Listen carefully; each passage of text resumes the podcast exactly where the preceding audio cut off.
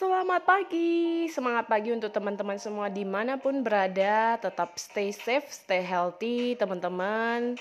Dan buat teman-teman yang sudah vaksin booster juga tetap jaga kesehatan. Nah, teman-teman yang belum tetap untuk bisa tunggu waktu yang tepat ya untuk bisa ikutin vaksin booster juga. Dan teman-teman di hari Senin ini saya percaya setiap kita pasti ya menja menjadi orang-orang hebat yang siap untuk berperang lagi menghadapi satu minggu ke depan. Tidak terasa dua minggu telah berlalu di bulan Maret ya.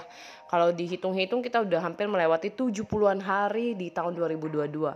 Dan teman-teman hari ini Fitri ingin berbagi adalah tentang bagaimana sih cara kita kalau misalnya berkomunikasi dengan orang untuk meyakinkan orang apalagi khususnya di saat kita memulai sebuah bisnis. Kadang kita sering banget tidak melihat audiens kita seperti apa atau lawan bicara kita, kita langsung main tembak, langsung langsung kita mainnya adalah ya mau nggak beli produk saya atau menjalankan bisnis saya atau bekerja sama. Nah dulu saya juga seperti itu teman-teman. Tapi sering waktu saya belajar belajar bagaimana namanya communication style dan sebagainya. Akhirnya mengenal bahwa bagaimana kita bisa memulai sebuah per, pembicaraan agar orang tidak merasa kita menodong mereka atau menyuruh mereka membeli produk atau menjalankan bisnis kita. Jadi yang pasti adalah memulai dengan tentang kehidupan dulu ya, ya fam, uh, family-nya, cerita, ngobrol dan sebagainya.